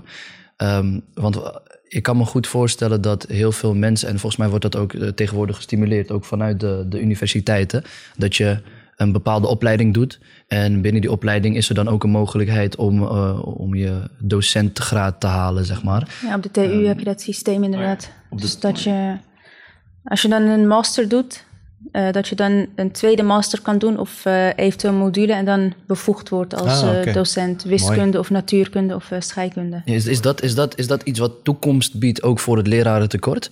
Wat we hebben? Dat mensen dus gewoon eigenlijk ehm, een deel van de week gewoon werkzaam zijn eh, als eh, engineer of als eh, weet ik veel wat. Eh, en in eh, de andere dagen van de week dat ze, dat ze docent, eh, docentschap op zich nemen. Ja, ik denk dat het zeker een, een, eh, een oplossing biedt. En misschien zelfs een, ik zou bijna zeggen, het moet een vereiste zijn. Want wat ik net schetste, van je hebt maar 5% van je tijd om je te ontwikkelen. Als je zegt, oké, doseren doe je parttime. We hebben geen fulltime jobs voor docenten. Dan heb je heel veel tijd dan heb om je tijd om in de Ja. praktijk te leren. Voor, en ik praat vanuit mijn perspectief eh, eh, eh, van het eh, HBO, waarbij je mensen opleidt voor een beroep. Dus je moet als docent moet je ook op de hoogte blijven van wat er gebeurt nou allemaal in de praktijk. Ja, wat zeker. zijn interessante cases die je mee kan nemen naar je colleges? En, wat zijn, en als je alleen maar fulltime les geeft, je bent elke keer bezig met lesgeven, dan heb je geen tijd om, om je te, te, te ontwikkelen in dat vakgebied. En de reden dat ik dit vraag is omdat het voor mij ook heel logisch klinkt. Kijk, eh, in de geneeskunde is het zo dat je in principe voornamelijk les krijgt. Ja, je hebt, we hebben ook een aantal lessen, zingeving, dat soort eh, lessen. Maar in principe krijg je, krijg je eigenlijk gewoon colleges van artsen. Dus, eh, hè, Die echt in de praktijk, eh, Ja, ja, bezig ja. zijn. Dus dan Ja. heb je bijvoorbeeld een, een, een hoorcollege wat gaat over ehm, nou ja, shock. Een shockbeeld bijvoorbeeld, hypovolemische shock. Eh, en dan, eh, en dan eh, krijg je een SEH-arts, dus een arts van de spoedeisende hulp, die dan even een ochtendje vrij heeft gepland om ons dat college college, te te geven. En eh, zo is het hele curriculum zeg maar, bij ons opgebouwd. Dus dat is iets wat voor mij heel logisch klinkt. Maar ehm, binnen, de facult binnen heel veel andere faculteiten is dat niet zo. Daar heb je echt gewoon fulltime docenten, dat is hun baan. En dan vraag ik me inderdaad ook af van mis je dan ook een stuk, ehm, een stuk praktijk, een stuk eh, in- bij, de, bij de arts is het dan klinische ervaring, maar ja, in andere vakgebieden is het dan eh, dat echt dat stukje praktijk dat je ook casussen die je zelf hebt meegemaakt Ja. eh, kan meegeven. Ja, ja. En een van de vragen, daar ben ik het helemaal met je eens. Een van de vragen wat de studenten meteen stellen is: ja, waarom moet ik dit leren? Vooral met wiskunde wordt het heel met vaak wiskunde gevraagd. wordt het heel, heel abstract en van ja, pff, ja leuk, maar waar, waar- heb ik dat voor nodig? Ja. De Twee vragen stellen ze. Waar heb ik dit voor nodig? En als je er niet echt een overtuigende antwoord op geeft, dan zeggen ze: Heb ik het nodig voor mijn tentamen? en dus je moet op een of andere manier eh, eh, bewust zijn van wat gebeurt er nou in de praktijk om dat uiteindelijk mee te nemen. Eh, en dan hoef je misschien niet per se eh, paar dagen, het kan ook één dag zijn, het kan ook, kan ook in een andere vorm zijn. Het kan ook zijn dat je een soort van een stage loopt bij bedrijven om je kennis bij te spijkeren. Maar je kan allerlei manieren verzinnen om dat, eh, om dat in te richten. Ja. Even voor onze kijkers en luisteraars. We zijn nu een beetje niet schrikbeelden, maar ik wil ze ook nog wel stimuleren om eh, docent te worden. We zijn nu een beetje kritisch aan het kijken. maar als, we, als, je, als je misschien kan delen van wat zijn gewoon jouw leukste ervaringen geweest tijdens het doseren of momenten waarvan je echt dacht van hier doe ik het voor en hier wil ik het voor blijven doen. Misschien dat je dat kan delen met ons en met de rest van Is er onze iets wat je direct ons te binnen schiet? Ja, dat, is- ik vind het wel een mooie nuance, want we hebben het alleen maar over Ja. burn-out en eh, ellende. Willen en- mensen niet afschrikken? Dus ik van, oh jee, nee, dat ga ik niet doen. Ik ga nooit docent. Nee, het, het, is, het is ook een mooi vakgebied. En ik denk dat eh, los van de dingen die nu niet goed gaan eh, en beter kunnen en, en anders kunnen, het zou eigenlijk een van de mooiste vakgebieden moeten zijn. En de reden waarom ik dat zeg is omdat je als docent ben je eigenlijk help je de, de studenten die binnenkomen, help je hun dromen realiseren. Dus eigenlijk een, een onderwijsinstelling is een soort van een dromenfabriek. Mensen komen binnen met ideeën en dromen wat ze in de toekomst willen doen. En jij bent aan het helpen om aan de ene kant te ontdekken van wat, wat wil je eigenlijk. En aan de andere kant helpen realiseren. In, Ja. eh, Hele van- mooie naam voor scholengemeenschap. Ja, onder, onderwijs of eh, de dromenfabriek. ik heb heel veel eh, eh, mooie momenten met, eh, met studenten die, ehm, eh, die echt dankbaar zijn dat ze, dat ze les, les van mij hebben gehad. En dat ze dankbaar zijn dat ze gewoon een, een, een fijn gesprek hebben gehad met mij. Of de, is gewoon die dankbaarheid en de waardering als je iemand echt weet te raken en iemand Dat is weet te mooi. bereiken. Dat is heel mooi. Ja, subhanallah. En jij bent natuurlijk ook ja, docenten. Ja, maar eh, meer je hebt- ervaren, Je hebt, eh, je hebt- ja, maar je hebt ook wel een aantal... Ja, eh, ik ben benieuwd, eh, zeker ervaring. Dus ik ben jou, ook eh, benieuwd of jij eh, zo'n zo'n moment hebt dat je denkt van... hé, hier doe ik het echt voor. Of dit vind ik echt mooi. Die heb ik ook heel veel, dat, Ja? eh, dat zeker. Ja, er is één, eh, één moment en één ehm, eh, ja, leerlingen die ik altijd, eh, waar ik altijd aan moet denken. Ehm, vanuit ISA was dat. Ik geef via ISA Arabische les. En kwam toen eh, een paar jaar geleden net terug uit Egypte. Uh, was volgens mij echt mijn tweede, tweede klas die ik hier um, vanuit ISA Arabische les gaf. En dat was uh, mijn Arabische les dan heel erg gefocust op het leren van de Koran. Dus ik ga niet diepte in wat betreft grammatica en gedichten. Het is mij gewoon belangrijk dat je vordert in je begrip van de taal om meer met de Koran te kunnen doen. Patronen van woorden ja. kennen en zo. En ik had toen mijn eerste klas, dat was van beginners. En daar zat een student bij. En die, uh, ja, die wil heel graag de Koran leren lezen. Dus die had toen uh, geleerd hoe ze de letters moest uitspreken. En die, heeft, die is toen doorgestroomd naar het tweede niveau. Dat was uh, gevorderde, semi-gevorderde heette dat toen nog. En ook he, dat hele traject meegemaakt. En die cursus die, um, die liep door tot in Ramadan. Dus die ging ook echt, uh, heb ik later gehoord van haar moeder, van echt uh, blij naar huis. Van alhamdulillah, ik heb dat ze in de Ramadan Koran kon lezen en echt na elke les enthousiast naar huis. En dat ook delen met haar moeder en proberen om haar ook mee te nemen dat traject. En ja, subhanallah, drie maanden later, tijdens, nee, een paar maanden later, tijdens, um, op de dag van Arafah, is in Marokko overleden tijdens een uh, auto-ongeluk. Hmm. Maar is overleden? zij, die uh, Oh, studenten zelf, Oh, wow. die leerlingen, ja. En subhanallah toen, um, ik heb die moeder later bezocht. En die vertelde gewoon van hoe, uh, hoe zij die hele periode sinds die Arabische cursus gewoon bezig was met de Koran. En zo blij dat ze had uh, Hmm. geleerd. En dat die moeder ook heel blij was dat dat meisje voor haar dood uh, zo ver was gekomen met de Koran. Hmm. Dus dat was wel echt voor mij um, een heel moeilijk moment, sowieso. Want het was een hele, ik vond die klas, het was een, van mijn eerste klassen. Ja. En het was een hele hechte klas ook, wat een hele mooie band. Die klas heeft alhamdulillah ook met de hulp van, uh, van Isa en van andere leerlingen een waterput in de naam van haar Mooi. laten slaan in Afrika. Mm, dat loopt mooi. nog steeds, alhamdulillah. Mooi. Maar dat was echt een moment dat ik echt dacht van... Um, ja, zolang ik leef wil ik wel verder gaan met datgene wat ik, wat ik heb, wat ik kan geven, om dat uh, door Mm. te geven aan, uh, aan mensen. Enorme werk. Mooi. Prachtig. Mooi, mooi, mooi voorbeeld. Heel ja. mooi. Ja. Nee, subhanallah. En als je dat dan ook uh, inderdaad uh, vanuit, je, vanuit je islamitische perspectief doet. Uh, ik bedoel, veel mensen die... Eigenlijk is het ook een soort van onze plicht om over te doseren wat wij geleerd hebben.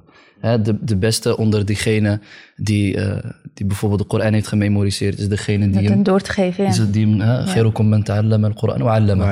Ja. Maar ook gewoon een boodschap voor degene die luisteren. We denken altijd dat uh, onderwijzen of doseren, dat je daar echt voor moet studeren en ja, zo. Ja. Maar het is ook gewoon het doorgeven van kennis die ik al heb. Dus ja. ik weet iets over iets. En als ik mensen om mij heen heb die daar graag iets over willen weten, om dat dan gewoon door te geven. Absoluut. Dat, uh, ja. Absoluut. Ja, mooi. Mooi gezegd, ja. Subhanallah. Subhanallah, het verhaal me wel geraakt. Ja. Zeker. Mij ook ja. nog steeds door. Ja, dus, subhanallah. Ja, misschien ook uh, ja, om die moeder ook gewoon te blijven herdenken en dua te doen. Zeker. Want die Ja, heeft het wel heel, zeker, moeilijk, uh, heel moeilijk gehad. Zeker, ja. Mag Allah hem bijstaan.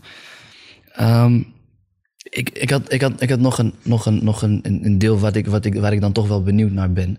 Is um, qua diversiteit in het onderwijs. En dan met name, uh, zeg maar, uh, want we hebben heel veel studenten die, uh, vooral op de HVA, ontzettend grote populatie aan diverse studenten. Ook heel veel met een moslimachtergrond.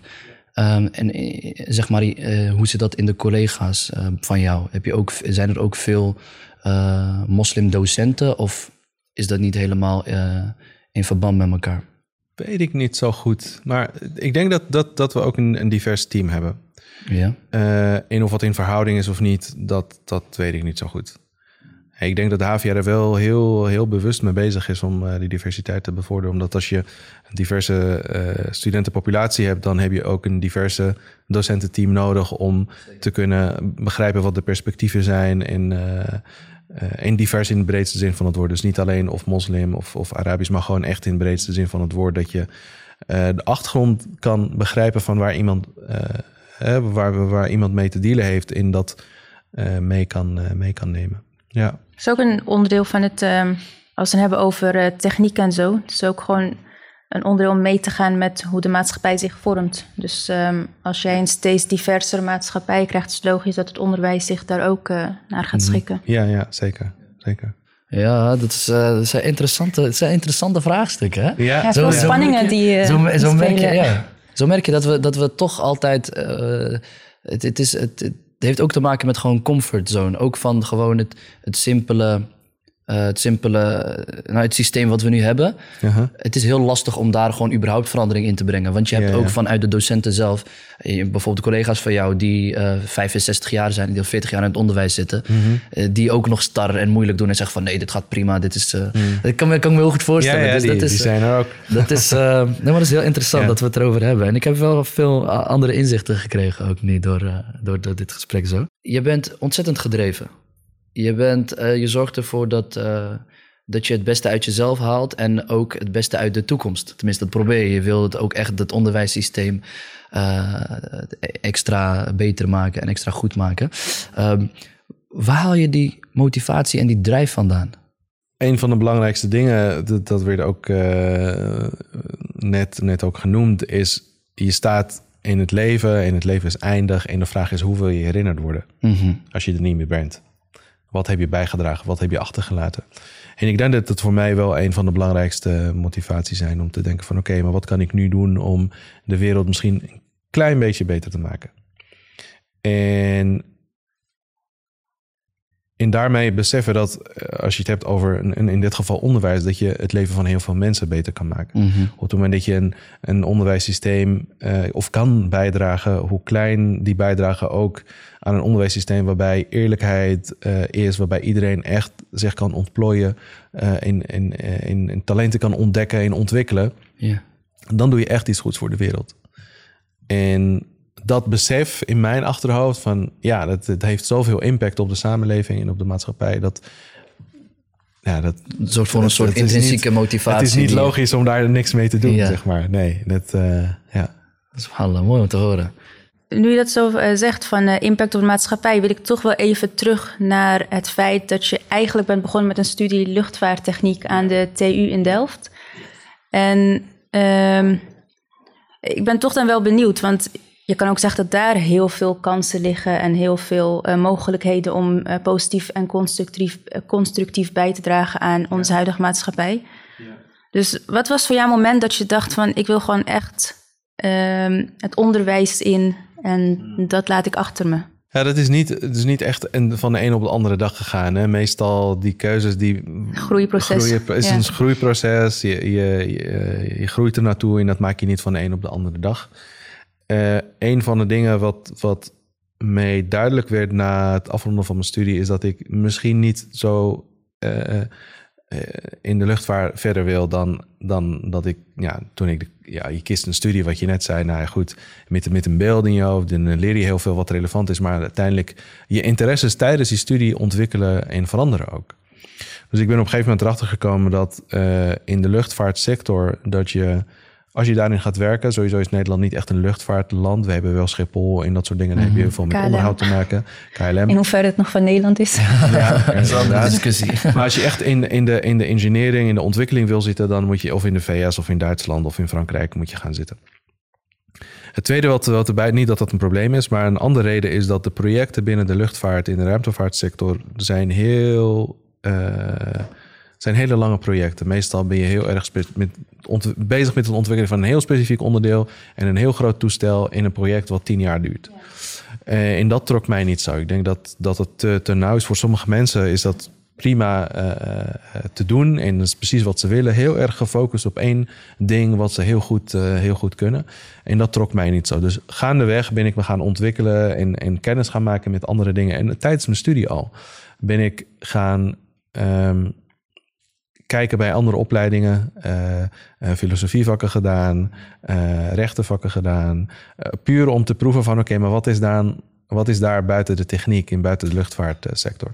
Dus ik moedig ook mensen aan om als je, als je aan het studeren bent, dat is best wel een, een unieke periode waarin je jezelf kan ontwikkelen. Je hebt een opleiding natuurlijk waar je een aantal vakken moet halen en zo om uiteindelijk je kwalificatie te halen. Maar wat ik ook net zei, de studeren in school gaat niet alleen over die kwalificatie, gaat ook over jou als persoon. Verder kijken. Verder kijken dan alleen een opleiding. Slogan van de VU. Ja, als, je, als ik dit hele gesprek zo terugluister, je hebt gewoon een, ehm, vanuit mijn perspectief, gewoon een geweldige ontwikkeling ehm, doormaakt. Mashallah. Je hebt de eerste jaren in Marokko, dan hier ehm, jezelf gewoon bewezen, maar zelf ook heel erg ontwikkeld. Studie begonnen, toch ergens anders beland, bezig met je eigen onderneming. Ben ik wel benieuwd van wie is voor jou een, een rolmodel geweest of een soort mentor of iemand bij wie je terug kon vallen in moeilijke periodes of iemand naar wie je heel erg opkeek en dacht van als zij het ook kan, dan kan ik het ook. Ik denk dat het niet één persoon is, maar misschien meerdere personen. En afhankelijk van eh, welke tijd of welke periode, dan heb je een andere persoon voor je.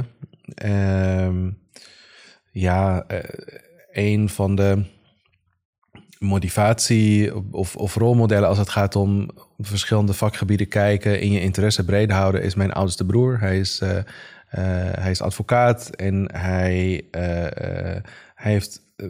Hij, hij heeft in, in, in Marokko gestudeerd, hij werkt er nu nog steeds. Hij kwam een keer naar Nederland een maand en heeft hij niet langer volgehouden dan een maand. Toen dacht ik, ga studeren in Marokko.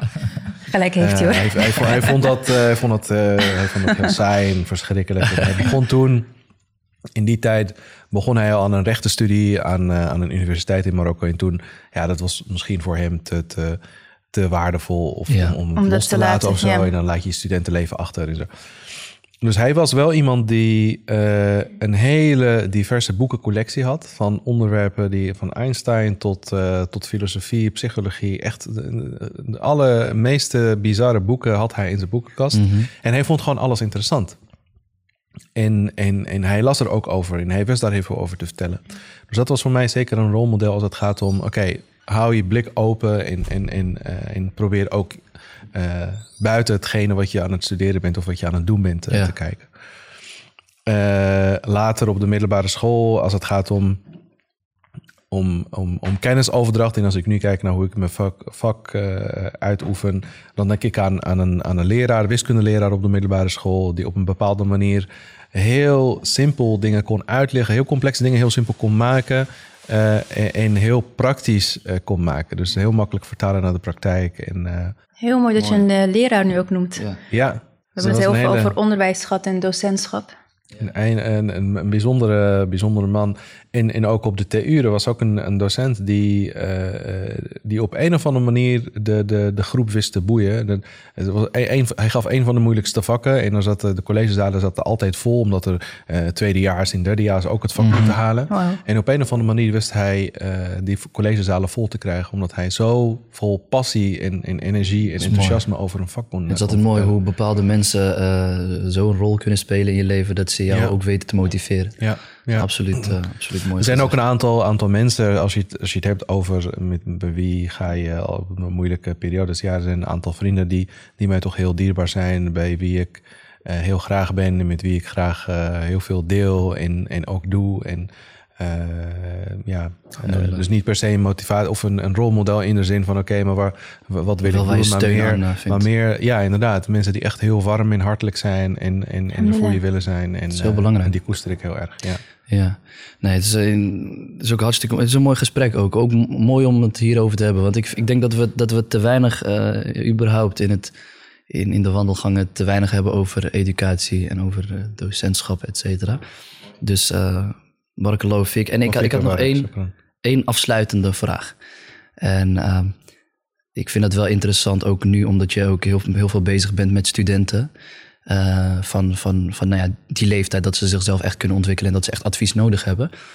Um, wat voor advies uh, zou jij eigenlijk willen geven aan, um, aan de Yusuf van, van de studententijd, zeg maar? Toen je nog wat jonger was. Uh, en als je nu dan terugkijkt, wat, wat is een waardevol advies waar wij met z'n allen ook wat aan kunnen hebben? Hmm, mooie vraag. Ja, wat deed ik toen? Heel Waar veel. Was Waar was ik? Nee, ik denk, ik denk toch je, jezelf leren kennen. Je zit in een schoolsysteem wat heel erg vaak gaat over kennis. En, en, en, en de aandacht voor jezelf als persoon komt meestal op een veel latere leeftijd. En uh, terwijl je dat eigenlijk. Je hebt daar niet iemand voor nodig die, die tegen je zegt van hé, hey, je, moet, je moet jezelf beter. En het klinkt zo cliché van jezelf beter leren kennen, maar wat is dat dan? Hè? Uh, en dat komt eigenlijk op neer dat je wat meer tijd... Als ik terugkijk, dan had ik veel meer tijd met mezelf kunnen besteden. Kijk, op het moment dat je iemand wil leren kennen, wat doe je dan?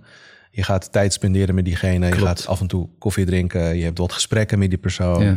En op gaandeweg, na een aantal gesprekken, misschien na een jaar, ken je elkaar heel goed en, en, en weet je wat voor persoon diegene is. En als je jezelf wil leren kennen, dan moet je dat met jezelf doen. Een soort van monoloog houden. Ja, ja niet, niet, niet, eh, niet op straat in, je, in, eh, in jezelf praat, maar eh, je hebt tijd met jezelf nodig. En met jezelf bedoel ik niet dat je naar tv kijkt of, of een boek leest of, of aan het eh, sporten bent, maar echt met jezelf dat je zit en, en af en toe je Reflecteren afvraagt, en, eh, reflecteren ja. van hé, hey, eh, hoe voel ik me? En eh, En ook waar heb ik zin in? echt bewust daarvan zijn. Precies, Ja. en ben ik nog steeds gelukkig met wat ik aan het doen ben? En eh, moet ik niet, misschien iets anders doen? En dat is precies het type gesprek wat je zou hebben met een iemand. En na een jaar heb je misschien, oh ja, ik heb een beeld van wat voor persoon je bent.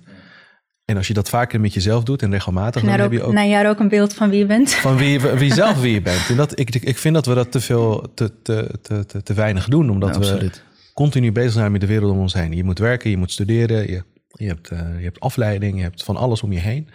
En die tijd dat je naar jezelf gaat kijken en terug naar binnen gaat, dat is heel kostbaar. En ik, als ik terugkijk en ik was, nou, als ik nu een advies aan mezelf zou geven, dan zou ik dat als advies geven. Heel mooi advies. En ik denk dat we dat inderdaad te weinig doen. En het, het, het ligt zo voor de hand liggen. Het is zo voor de hand Voor liggend. de hand liggen, ja. Eh, mensen die denken ook dat ze het wel doen. Maar als je het een keertje echt ervaart, dus echt even de tijd ervoor neemt, dan, eh, dan kan je jezelf nog aardig tegenkomen. En dan kan je nog echt wel eens denken van, eh, oh, het is, ja, dat, dat, vind ik, dat vind ik dus eigenlijk leuk.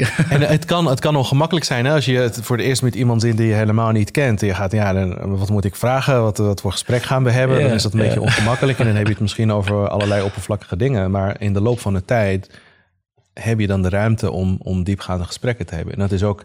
eh, als je voor het eerst met jezelf gaat zitten, dan denk je van, hé, wat doe ik? Ben, ik- ben, ik, ben ik gestoord? Of eh, Heb je ook die ongemakkelijkheid? ongemakkelijkheid met jezelf. En dan in de loop van de tijd eh, eh, groei je erin. En dan kan je echt een hele mooie dialoog En gaat het klikken? hebben. Ja, dan gaat het klikken. Hoop je dat? Nee, heel mooi, heel Ja. mooi. Waar ik Ehm, ik. Maar vind ik waar.